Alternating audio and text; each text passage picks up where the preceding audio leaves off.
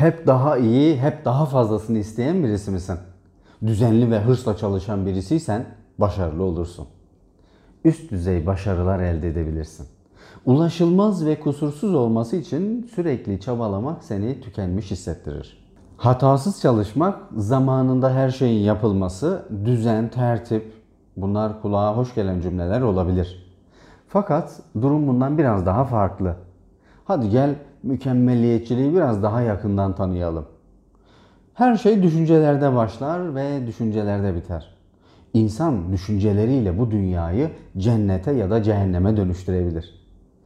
Bu noktada Dalai Lama'nın şu cümlelerini aktarmak istiyorum. Düşüncelerine dikkat et çünkü onlar söz olur. Sözlerine dikkat et çünkü onlar davranış olur. Davranışlarına dikkat et alışkanlık olur.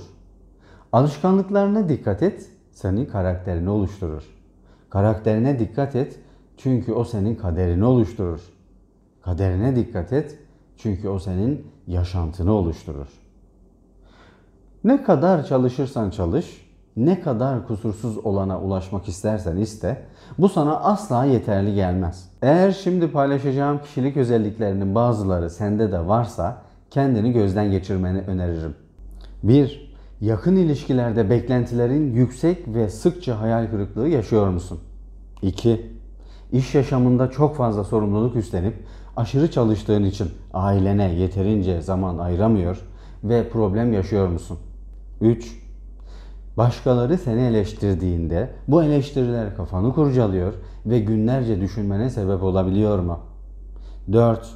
Risk almayı sevmeyen, riskli görevlerden kaçan birisi misin?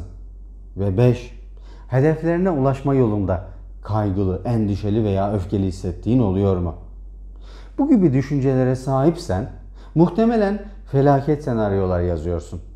Kendi zihninde yarattığın çıkarsamalara inanıyorsun. Yapmalıyım, başarmalıyım şeklinde meli, malı içeren kelimelerle düşünüyor ve konuşuyor olabilirsin. Bu düşünüş ve inanışlar seni depresif ve kaygılı ve de büyük yükler altında gibi hissettirebilir. Eğer mükemmeliyetçi bir insansan hata yapmaktan, eleştirilmekten korkarsın. Başkalarının ne düşündüğünü fazlasıyla önemsersin. Girişken, atılgan, mükemmel yapının, kişiliğinin oluşmasının çok çok arkaik nedeni korkudur. Evet korku. Somut bir korku değildir bu. İnsanların, el alemin korkusudur.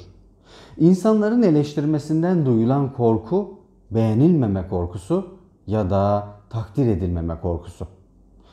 İnsanların ağzına sakız olma korkusu da diyebiliriz. Gizemli ve soyut bir korku yani. İnsanları mükemmel olmaya zorlayan bir tedirginlik duygusu. Eleştirilmeye karşı geliştirilen bir çeşit savunma mekanizması gibi. Mükemmel olmaya çalışan insanlar görev insanı olur. Görevlerini layıkıyla yapar. Kimsenin senin hakkında söz söylemesine izin vermemen temel hedeflerinden birisidir.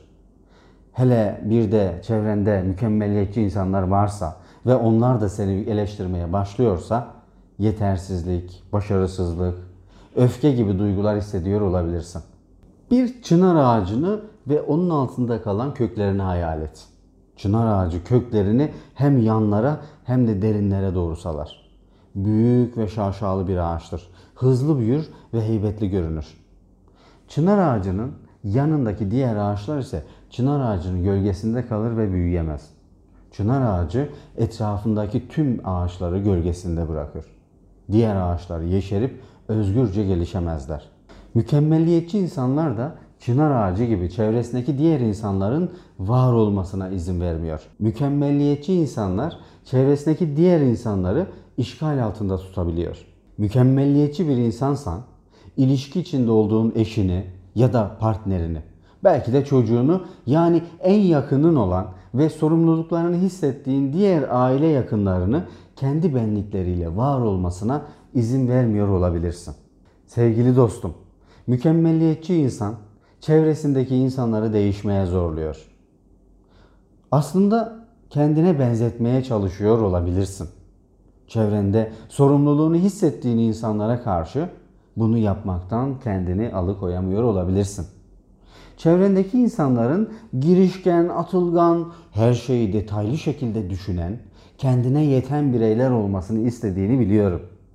Görev ve sorumluluklarını senin kadar önemsemesini istediğini de tahmin ediyorum. Ancak tam tersine eleştirel tutumların nedeniyle her adımda eleştirilen ve kendini yetersiz hisseden bireyler ortaya çıkartıyorsun. Çevrendeki insanlar yetersiz, sorumluluklarını almayan, güdük, sessiz, sosyal yaşamdan bile uzaklaşabiliyorlar. Hatta öyle ki kişi kendini gerçekten başarısız ve yetersiz olmakla suçlamaya başlayabiliyor. Bu kişiler giderek yetersiz, yetersiz, yetersiz hissetmeye başlayıp her şeyden elini eteğini çekmeye başlayabiliyorlar. Mükemmeli arayan insan böyle bir durumda ne yapıyor dersin? Tabii ki çevresindeki diğer insanları suçluyor. Daha sonra ne mi oluyor? Ruhun daralıyor, yoruluyor, bunalıyorsun. Ve etrafındakileri eleştirerek sorumluluk almaya tekrar tekrar davet ediyorsun. Ve bu böylece sürüp gidiyor. Bu sırada etrafındaki insanları da kırabiliyorsun. Çevrendeki insanlar kırıldıkça çekinik davranmaya başlıyor.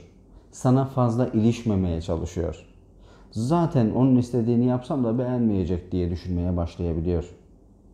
Sen değişmen gerekirken çevrendekileri değiştirmeye çalışıyor olabilir misin? Sevgili dostum, şöyle bir düşünsene. Şimdiye kadar kimi ne kadar değiştirebildin? Bundan kurtulmayı senin de istediğini tahmin edebiliyorum. Ama nasıl yapacağını bilmiyor olabilirsin. Hadi gel bunu birlikte konuşalım. Önce kendine bakmalısın. Çünkü kendini değiştirmek diğerlerini değiştirmekten daha kolaydır. Olanı olduğun gibi kabullenmen gerekiyor. Bundan hala rahatsızlık duyuyorsan yine kendine dönmeli ve çevrendeki diğer insanların var olmaya ihtiyacı olduğunu da hatırlamalısın. Çevrendeki kişilerin hata yapmasına izin vermelisin.